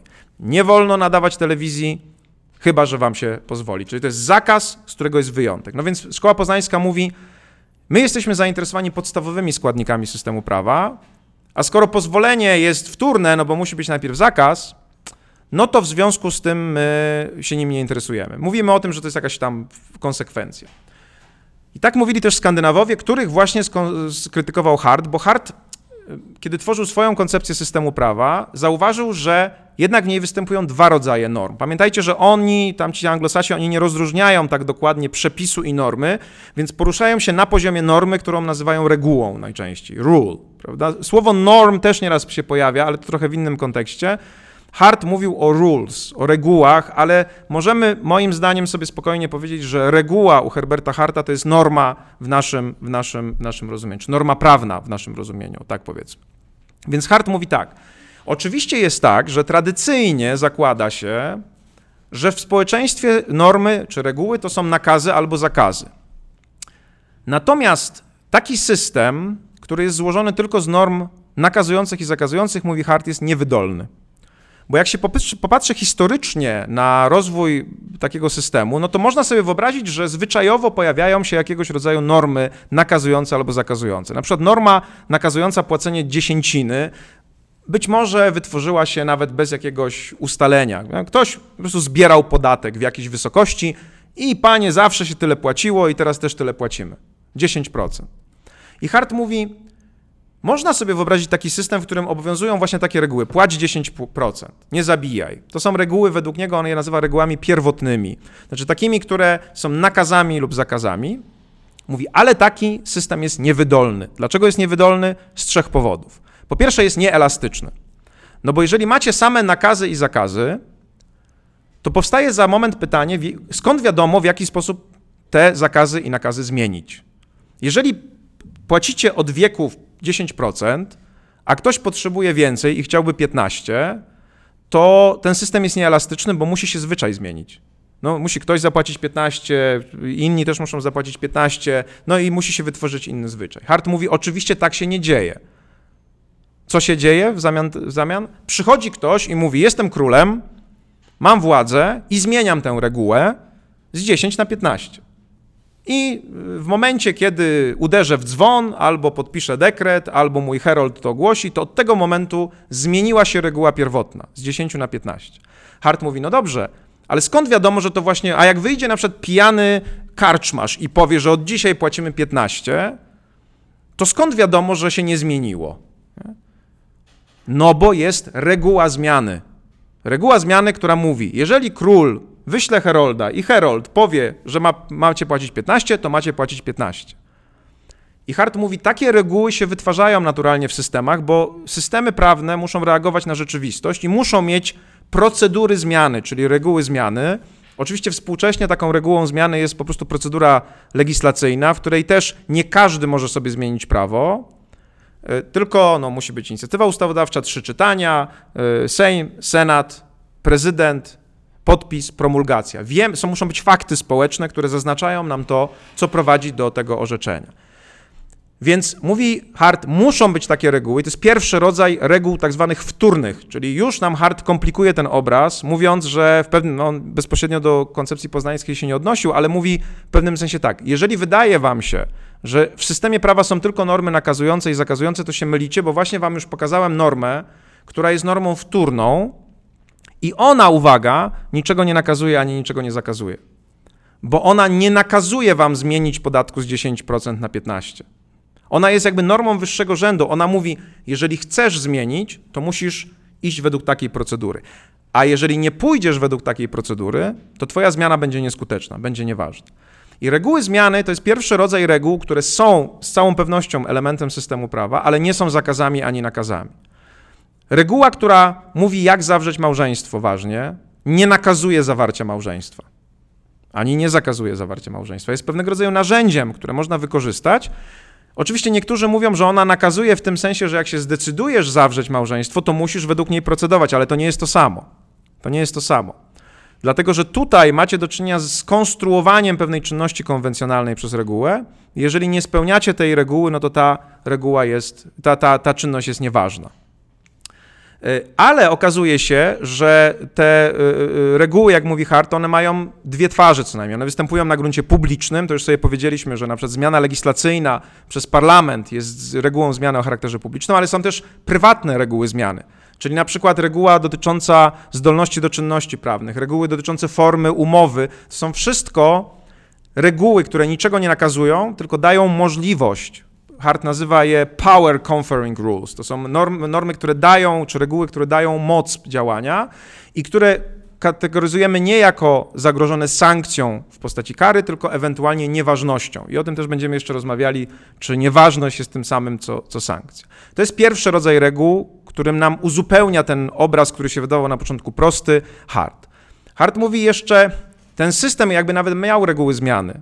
System reguł pierwotnych, nakazów i zakazów dalej jest niewydolny, dlatego że wyobraźcie sobie, że w mieście znajdujecie ciało mężczyzny w fosie. No i oczywiście wiecie, że istnieje taka reguła pierwotna, która mówi, że nie wolno zabijać. No ale skąd wiadomo, że został zabity, a nie utonął? Nawet jak wiadomo, że został zabity, bo widać, że ma, nie wiem, nóż w sercu, to kto go zabił? Czy go zabił, czy się bronił? Mnóstwo pytań, prawda? I Hart mówi znowu, jeżeli nie mamy specjalnego rodzaju reguł, które mówią, jak ustalić, czy ktoś naruszył regułę pierwotną, to nasz system jest niewydolny. Te reguły, które u nas są zawarte w kodeksach postępowania rozmaitego, w postępowaniu cywilnym, w postępowaniu karnym, w postępowaniu administracyjnym, Hart mówi, to też są reguły wtórne. One pasożytują jak gdyby na tych regułach e, pierwotnych, tak jak reguły zmiany są wtórne, bo one funkcjonują na regułach, czyli zmieniają reguły pierwotne, to reguły tego drugiego typu Hart nazywa rules of adjudication, to są reguły rozsądzania. Czyli to są reguły, które znowu mają, one konstruują pewne czynności konwencjonalne, na przykład przeprowadzenie postępowania dowodowego, wydanie wyroku, wydanie decyzji administracyjnej itd., tak itd. Tak I znowu popatrzcie, te reguły, w przeciwieństwie do tego, co mówią, mówi szkoła poznańska, one też nie mają formy nakazu albo zakazu. Treść czy warunki, które musi spełniać decyzja administracyjna, to są po prostu warunki ważności nikt nie, nie ma nakazu, znaczy reguła rozsądzania nie nakazuje wydania wyroku o określonej treści, tylko mówi, jak wydać wyrok. Podobnie inne reguły dotyczące właśnie takiego, takie reguły enforcementu, takiego wdrażania e, reguł w rzeczywistość, one nie nakazują ani nie zakazują. Więc to jest kolejna poprawka, która się tutaj pojawia. I Hart mówi na końcu jeszcze o trzecim rodzaju reguły wtórnej, jaką jest tak zwana reguła uznania, czy rule of recognition, ale ona jest tworem już tak dziwnym, że o nim dzisiaj nie będziemy mówić, bo prawdopodobnie ona nie występuje w systemie prawa na takich samych zasadach jak przepisy i normy, czy jak, jak normy, jak reguły pierwotne i reguły wtórne, tylko ma zupełnie inną funkcję. W tej koncepcji, o której Wam mówiłem na samym początku tego wykładu, można by było powiedzieć, że ona jest raczej związana z tą recepcją różnego rodzaju reguł, czyli ona jest tym, co się dzieje, ona operuje jak gdyby na umysłach prawniczych, które akceptują lub nie akceptują pewnych reguł, albo tworzą, albo nie tworzą pewnych norm, y, albo wyprowadzają pewne interpretacje, albo nie wyprowadzają pewnych interpretacji. Jak będziemy o harcie mówić, to pamiętajcie tylko o tym, że hart w pojęciu prawa mówi, że są trzy rodzaje reguł wtórnych, czyli reguły zmiany, o których mówiłem, reguły rozsądzania, o których mówiłem, i reguły uznania, bo on je kwalifikował na jednym poziomie jako reguły wtórne, myślę, że trochę nie widząc ogromnej odrębności reguły uznania. I dlatego tę regułę uznania sobie omówimy osobno, jak dojdziemy do Harta i jego całościowej filozofii. Natomiast teraz jeszcze w tej ostatniej części tego wykładu pójdziemy jeszcze dalej, bo to, to jeszcze nie jest koniec obrazu, z którym się tutaj spotykamy, bo nauka rozwija się w jakimś zakresie kumulatywnie, to znaczy im więcej rozumiemy z systemu prawa i z tego, jak on funkcjonuje, tym więcej w nim widzimy. No i po tych ludziach, którzy myśleli, że elementem systemu prawa jest przepis, po szkole poznańskiej, która nas nauczyła tego, że mamy przepis i normę, ale twierdziła, że norma jest wypowiedzią, a nie recepcją czy reprezentacją mentalną. Po myśleniu, że norma i przepis to osobne rzeczy, ale norma nie jest wypowiedzią tylko właśnie reprezentacją mentalną. Po harcie, który mówi, że ta norma ma jeszcze dwojaki charakter, bo nie musi być tylko nakazem i zakazem, ale może dawać pewne możliwości, pewne upoważnienia, pewne uprawnienia, czyli te, te power conferring rules, reguły zmiany, reguły rozsądzania, przychodzi jeszcze Ronald Dworkin, czyli następca Harta w Oksfordzie, który mówi, jeszcze jest jeden element w systemie prawa i ten element nazywa zasadami. Zasadami. Tak? To są principles u, u, u Dworkina. I teraz na czym różnica polega pomiędzy zasadami a regułami? Dworkin, który był krytykiem Harta, no na tym nauka powinna polegać. Zawsze opowiadam taką historię, wydaje mi się, że ona pokazuje bardzo dobrą, taką prawdziwą relację, która powinna obowiązywać w, w, wśród, w życiu akademickim. Pozwólcie, że wam też opowiem. Hart był profesorem jurysprudencji w Oksfordzie, to jest bardzo szacowne stanowisko. I w latach 50., na moment przed napisaniem swojej najważniejszej książki, czyli The Concept of Law, pojęcie prawa, pojechał do Stanów i wykładał na Harvardzie, y, prowadził seminarium ze studentami. I oczywiście, no, książkę opublikował w 1961 roku, ale jak tam był, na krótko przed tą publikacją, no to miał w głowie to wszystko, to jest jasne, i uczył tego, i dyskutował ze studentami o tym.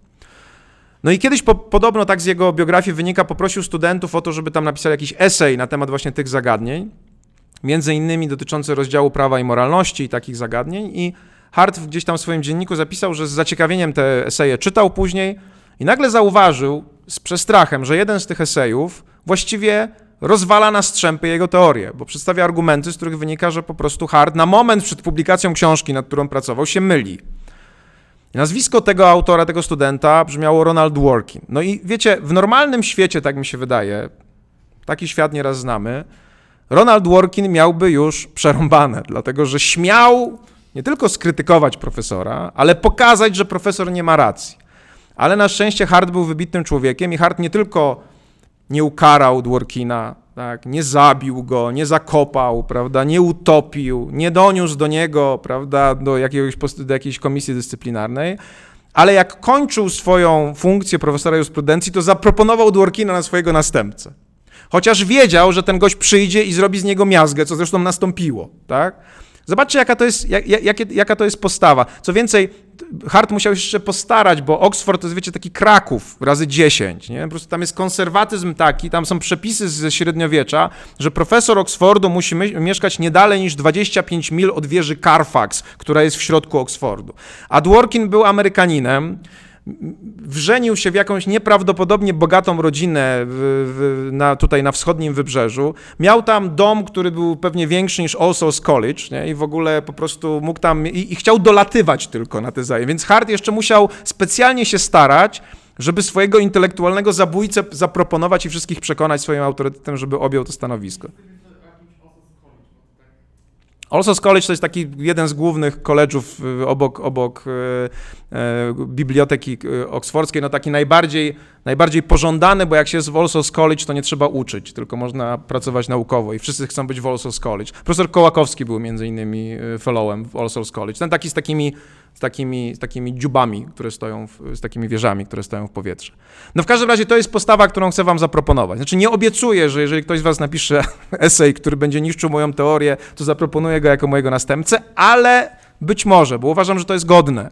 Już mówiąc zupełnie poważnie, tak to powinno być. Znaczy nie chodzi o to, żeby ktoś miał rację, tylko chodzi o to, żeby był, był jakiś jak, jakiegoś, jakiegoś rodzaju ferment, no, żeby była dyskusja. Dyskusja to jest ważna rzecz, krytyka to jest ważna rzecz, na niej się buduje nauka. I oczywiście to też, ja trochę przesadzam, że tam ten Dworkin zniszczył tego Harta. On bardzo dużo wniósł, bardzo dużo poprawił, zmusił następców Harta do tego, żeby oni bronili trochę koncepcji e, samego Harta i z tego się samo dobro zrodziło. To znaczy Dworkin mnóstwo rzeczy ciekawych powiedział, e, uczniowie Harta z, jakby no, z takiego przekonania wierności swojemu mistrzowi bronili go, no i tak to powinno być. Tak to powinno być. Najgorzej jest, jeżeli są tylko klakierzy i przytakiwacze, bo z tego żadna, żadna teoria się nie zrodzi. No dobra, no ale co ten Dworkin zrobił? Dworkin mówi, dobrze, Przyjmijmy, że rzeczywiście jest tak, jak mówi Hart, że są reguły pierwszego stopnia, reguły pierwotne, nakazy i zakazy, że są reguły wtórne, reguły drugiego stopnia, czyli reguły zmiany, reguły rozsądzania,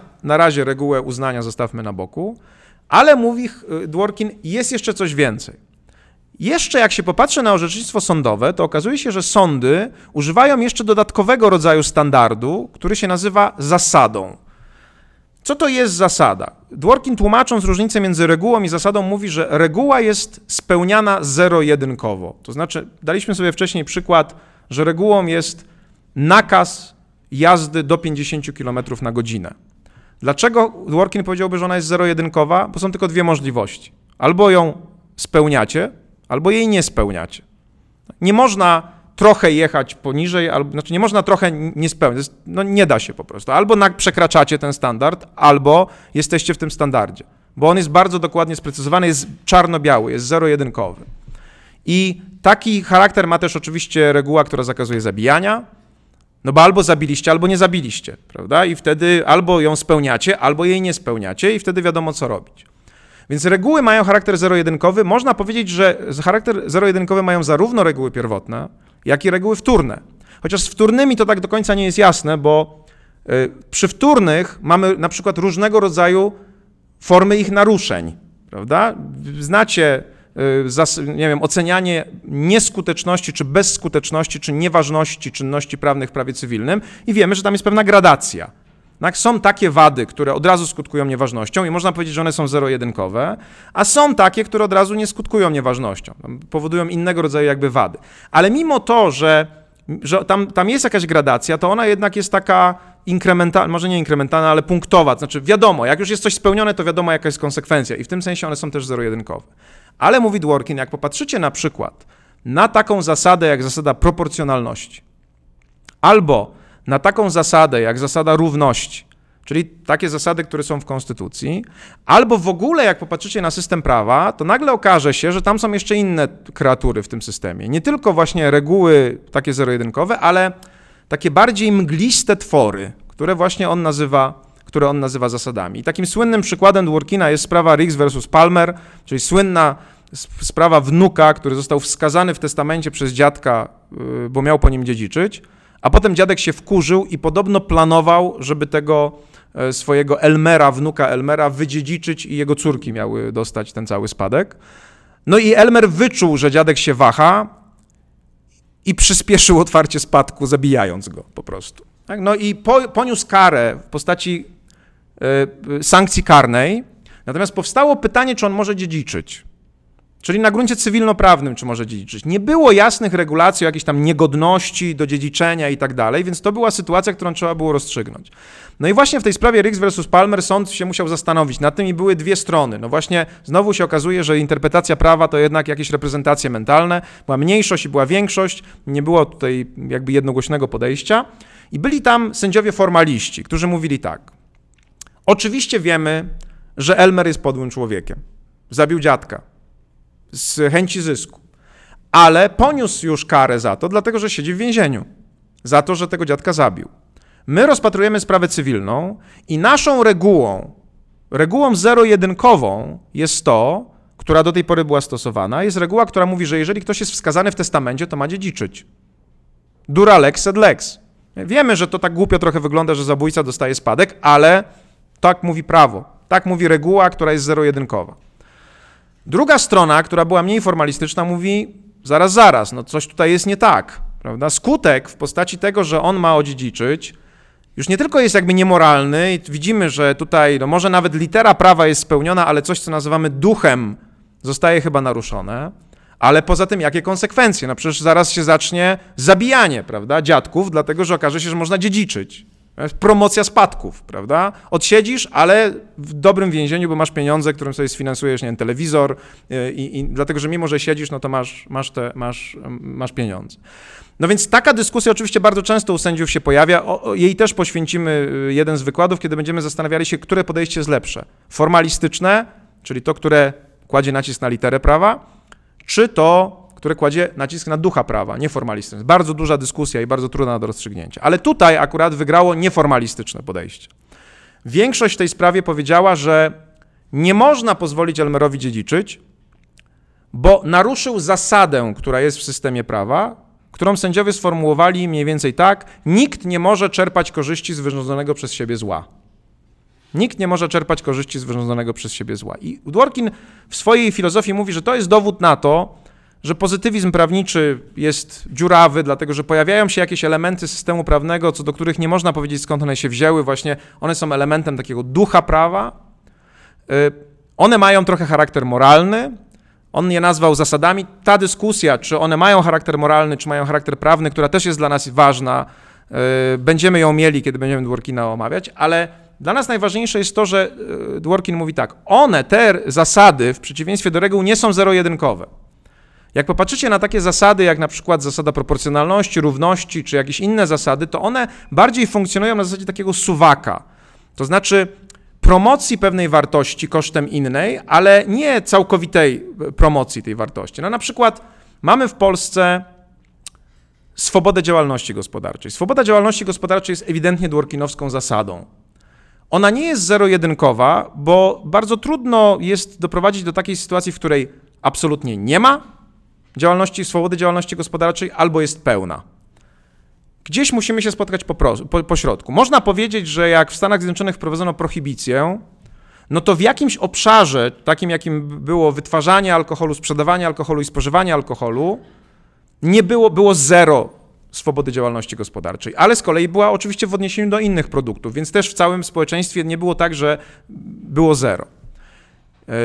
E, kiedy w Polsce mamy regulacje antynarkotykowe, no to też one ograniczają do zera możliwość prowadzenia działalności w obszarze legalnej oczywiście działalności, a o takiej mówimy, w obszarze e, produkcji, handlu, obrotu narkotykami. No ale znowu w innych obszarach, np. przy alkoholu czy przy tytoniu, można tę działalność prowadzić. Z drugiej strony nie ma chyba takiego obszaru, gdzie jest absolutna swoboda prowadzenia działalności gospodarczej. No, może by się dało znaleźć taki obszar, w którym to jest działalność gospodarcza, nie trzeba płacić podatków i nie trzeba spełniać żadnych w ogóle wymogów, no to to byłaby taka pełna działalność gospodarcza, czyli po stronie 1. Ale tak jak widzicie, to rzadko występuje w naturze. Najczęściej jesteśmy gdzieś po środku, to znaczy trochę jest tej działalności, trochę jej nie ma. Znaczy trochę jest wolności, trochę jej nie ma. Na przykład e, możesz produkować tytoń, ale nie możesz go reklamować. Tak?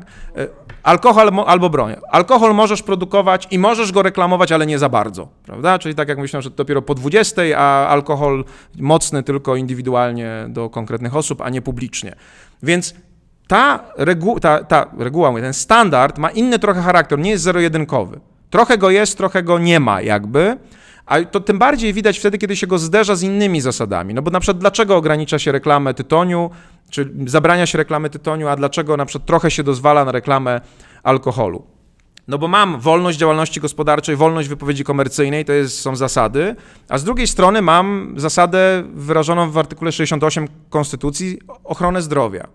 No i teraz państwo próbuje znaleźć jakiś złoty środek, tak? Mówi, no dobra, trochę poprodukujcie tych papierosów, bo no, ludzie palą, no to tak trochę by, mamy złe doświadczenia z prohibicją, jakąkolwiek, zaraz się szara strefa rozwija, ale nie promujcie tego, dlatego że jak będziecie to promować, to z tym będzie problem. Oczywiście były takie momenty, że wolno było to promować. Ci z Was, którzy są fanami serialu Mad Men, wiedzą, że pierwszy odcinek tego serialu, który się toczy w agencji reklamowej w latach 60., jest moment po wielkim problemie, bo spotykają się ludzie od reklamy, oczywiście palą, tutaj whisky piją, prawda, i mówią, jak my teraz będziemy żyć. Sąd zakazał występowania lekarzy w reklamie papierosów. Bo wcześniej lekarze palili, mówili palcie, palcie zdrowe, prawda?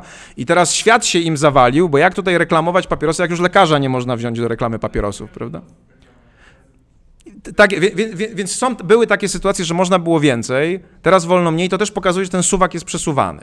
Dlaczego na przykład alkohol można reklamować? No, mocnego alkoholu nie można reklamować, wino trochę można, bo można sponsoring robić, piwo można reklamować, no bo zakłada się, że powinna być tak zwana zmiana struktury konsumpcji że wysokie alkohole są szkodliwe bardziej wysokoprocentowe niż te mniej procentowe, więc sensownie jest państwo sobie mówi, tu trochę pozwolić, a tu trochę nie pozwolić, tak? Czyli wódki nie wolno reklamować publicznie, wino trochę poprzez sponsoring, e, informacje o sponsorowaniu, a, a, a piwo jeszcze bardziej, bo, bo takie są tutaj myślenia. One nie są zero-jedynkowe właśnie, jak widzicie. One są trochę tak, ten suwak jest przesuwany i w różnych obszarach życia mniej lub bardziej się go, się go przesuwa. I to jest istota tego standardu, który Dworkin nazywa zasadą, bo właśnie on jest taki, po pierwsze, trochę mniej namacalny.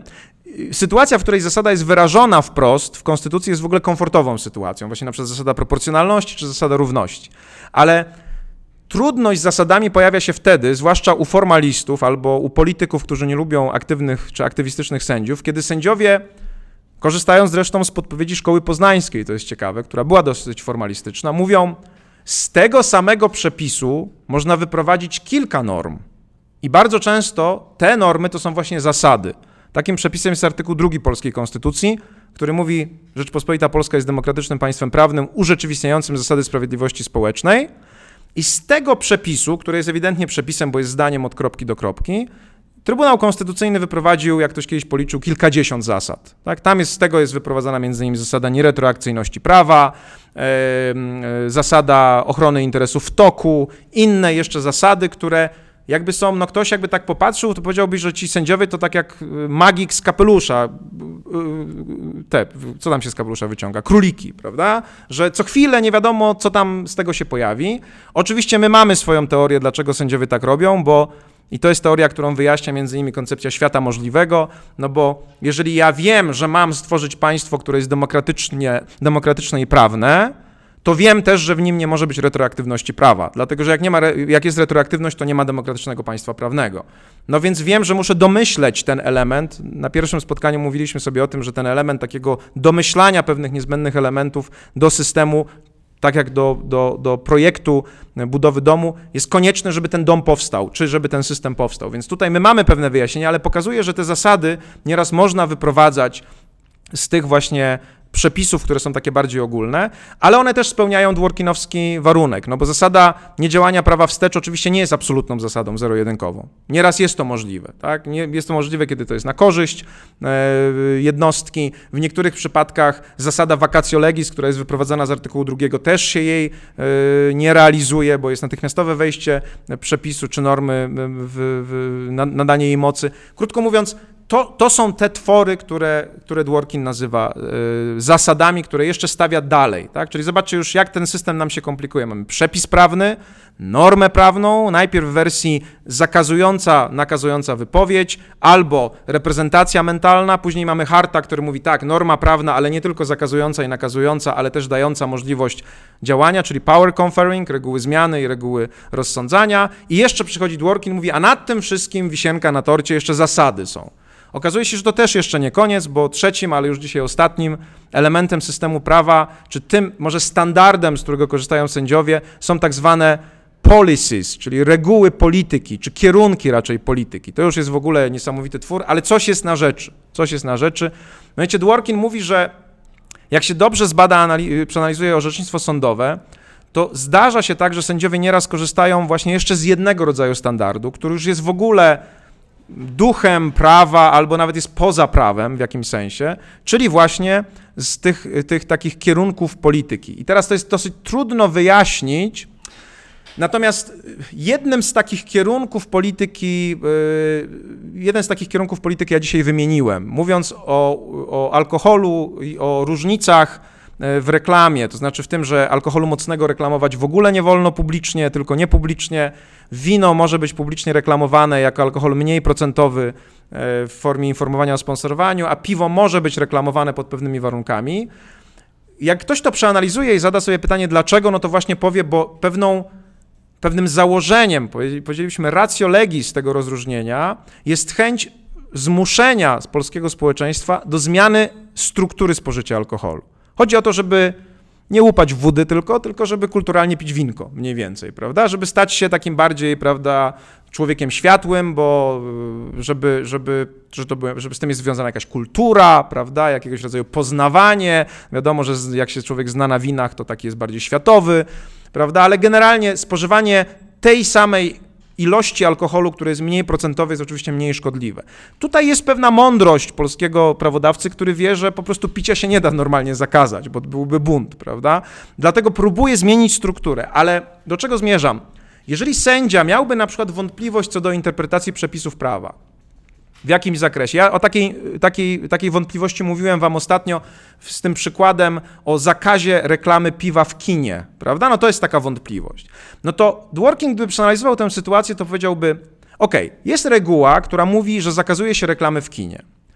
Ale ona jest niejasna, bo nie wiemy, czy kino to budynek, czy kino to medium, przekaz. I teraz jak sędzia ma rozstrzygnąć to, czy chodziło prawodawcę o medium, czy chodziło o budynek. No ja tam podałem wam kilka przykładów raczej takich analizy kontekstu, ale Dworkin by powiedział tak, spójrzmy na zasady najpierw. No i to nam za bardzo nie pomaga, dlatego że jak spojrzymy na zasady, no to jakie mamy zasady, które się stosują do kwestii reklamy piwa w kinie?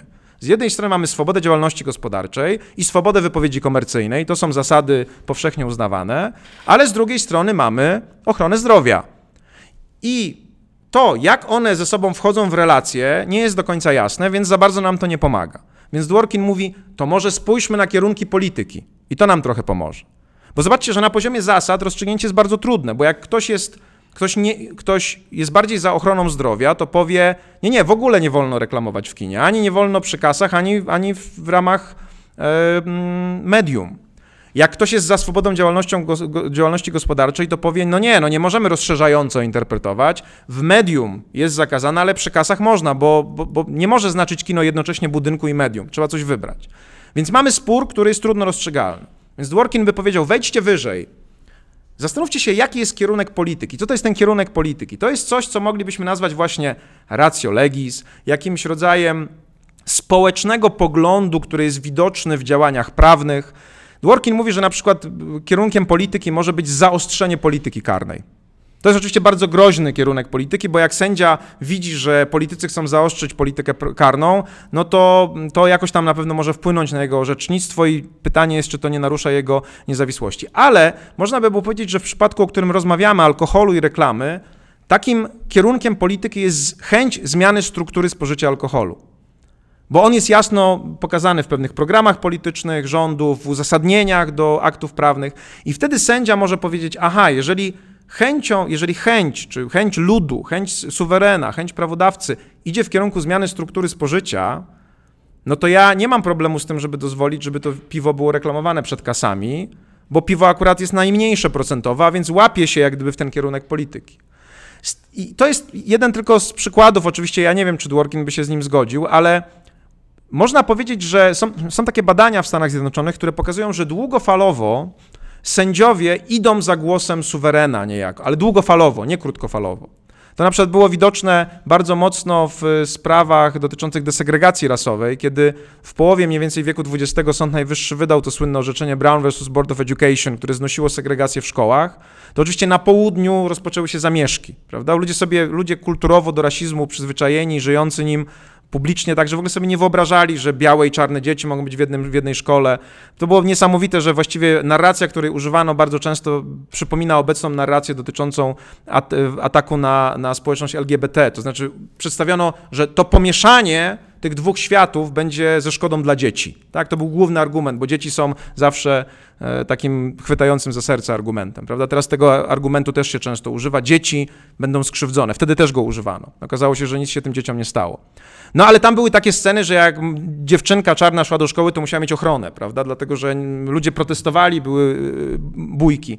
Co to znaczy? To znaczy, że sąd coś powiedział i pamiętajcie, że Brown vs. Board of Education zostało rozstrzygnięte jednomyślnie. To było nieprawdopodobne w ogóle. Tak? Jednomyślnie, w tak trudnej sprawie, która podzieliła amerykańskie społeczeństwo. Więc można powiedzieć, że sędziowie nie poszli za głosem ludu, czyli za kierunkiem polityki, chociaż jakby popatrzeć na to, co Dworkin mówi, to nie chodzi o to, co populiści mówią, że to jest kierunek polityki, tylko tu chodzi o pewne rozumienie spraw przez społeczeństwo. Wiecie, na znowu wykorzystajmy argument czy, czy kwestię y, stosunku społeczeństwa do społeczności LGBT. To się, ona się też zmienia, ten stosunek się zmienia. Tak? Homoseksualizm jeszcze w latach 70. Był, był, był przestępstwem. Między innymi Hart był osobą, która w Wielkiej Brytanii dążyła i doprowadziła do tego, że, że zdekryminalizowano homoseksualizm. E, więc to była taka sytuacja, gdzie homoseksualizm był traktowany jako zło warte przepisów w kodeksie karnym. Teraz jest inaczej. Zdecydowanie inaczej. Ten kierunek polityki rozumiany jako myślenie społeczeństwa na jakiś temat, a niekoniecznie takie populistyczne wykrzykiwanie czegoś, zmienia się. I sędzia jest w stanie to wyczuć, moim zdaniem. I właśnie pokazywane są takie badania, które mówią, że sędziowie długofalowo, ponieważ są członkami społeczeństwa, wiedzą w jakim kierunku społeczeństwo zmierza. I tutaj w, w sprawie Brown sędziowie chyba dalej widzieli, bo oczywiście po tych zamieszkach i po pewnych problemach sprawa desegregacji stała się absolutnie normalną sprawą w Stanach Zjednoczonych i mimo ciągle istniejącego takiego podskórnego rasizmu, bo on zawsze gdzieś tam będzie, a przecież to tak niedawno naprawdę się stało, instytucjonalnie to już w ogóle nie budzi żadnej wątpliwości. Więc długofalowo pójście jak gdyby sędziów za tym kierunkiem okazało się zgodne z tym, co y, ludzie myślą. To jest bardzo ciekawe w przypadku naszych dyskusji tutaj polskich, bo bardzo mnie na przykład osobiście interesuje to, co będzie znowu z kwestią aborcji. Bo to, co się zdarzyło w tamtym roku, to też była sytuacja taka, w której jakiś sąd, no w tym przypadku nasz Trybunał Konstytucyjny, rozstrzygnął coś w kwestii, która dzieli polskie społeczeństwo. No i teraz jest pytanie takie, czy to rozstrzygnięcie ostatecznie zostanie zaakceptowane, czy też nie zostanie zaakceptowane. To jest między innymi ta relacja pomiędzy orzeczeniem, które realizuje normę prawną, ale tak naprawdę powstaje pytanie, czy ono realizuje kierunek polityki, policy, rozumiany nie jako chęć jednej czy drugiej partii, tylko jakby świadomość polskiego społeczeństwa. Niektórzy mówią, że konsensus aborcyjny, który trwał w Polsce, był policy dworkinowską. To znaczy, że sędziowie on został wprowadzony pewnym orzeczeniem i że generalnie mimo oczywiście sporów, no bo strona bardziej liberalna uważała, że i tak jest za konserwatywnie w Polsce, szkoła, strona bardziej konserwatywna uważała, że jest za liberalnie, dało się funkcjonować. Społeczeństwo żyło i generalnie no, nie było awantur na ulicach i bujek na ulicach. To orzeczenie zniszczyło ten konsensus, wprowadziło inną, in, inne rozstrzygnięcie, które spowodowało ostrą reakcję społeczną. To jest bardzo ciekawe, bo to można też obserwować w kategoriach właśnie policy, jak ona się kształtuje. Tutaj też zależność między policy, między rozstrzygnięciami sędziów a policy jest taka dialektyczna trochę. To znaczy, nieraz jest tak, że mądre, dobrze uzasadnione rozstrzygnięcie sędziowskie może wyprzedzać zmiany policy, i ludzie się z nim zgadzają, ostatecznie ona zaczyna funkcjonować tak, jak to było z rozstrzygnięciem w sprawie desegregacji. Złe rozstrzygnięcie, głupie rozstrzygnięcie, które nie wczuwa się w to, co ludzie myślą na ten temat, może powodować konflikty. Podsumowując, ten wykład był poświęcony prostemu wydawałoby się pytaniu Józefa Raza, co jest najmniejszym elementem systemu prawa, taką cegiełką, która, która tworzy system prawa. I wykorzystując różne koncepcje filozoficzne i teoretyczne, starałem wam się pokazać, że odpowiedź na to pytanie nie jest oczywista. Że są tacy, którzy mówią, że jest to przepis jako zdanie od kropki do kropki, zdanie tekstu prawnego od kropki do kropki. Są tacy, którzy mówią, że to jest norma, pewna struktura wyższego rzędu, ale dyskutują, jaka jest jej natura, czy to jest wypowiedź, czy to jest reprezentacja mentalna. Dyskusja dotyczy też tego, czy ta norma jest nakazująca i zakazująca, czy też może dozwalać, zezwalać na coś, dawać pewne możliwości. Tak mówi Hart, że tak może być. Jakie są rodzaje tych możliwości? Reguła zmiany, reguła rozsądzania. Wreszcie jest Dworkin, który mówi, że jeszcze dodatkowo są takie struktury normatywne wyższego rzędu. Zasady, które się tym różnią od reguł, że nie są zero-jedynkowe. Regułę możesz albo być z nią zgodny albo niezgodny, albo ją spełnić, albo nie. Zasada ma suwak. Trochę możesz być zgodny, trochę niezgodny. I są jeszcze te, czyli te principles, zasady, i są jeszcze te policies, kierunki polityki, które już są w ogóle takim tworem trudnym do złapania, ale Dworkin przekonująco mówi, że gdzieś one się pojawiają w argumentacji i kilka takich przykładów policies sobie pokazaliśmy. Na przykład zmiana struktury spożycia alkoholu, stosunek do segregacji rasowej, stosunek do aborcji, stosunek do społeczności LGBT. O tych kwestiach będziemy jeszcze rozmawiali, bo one się będą nam pojawiały w różnych, w różnych momentach.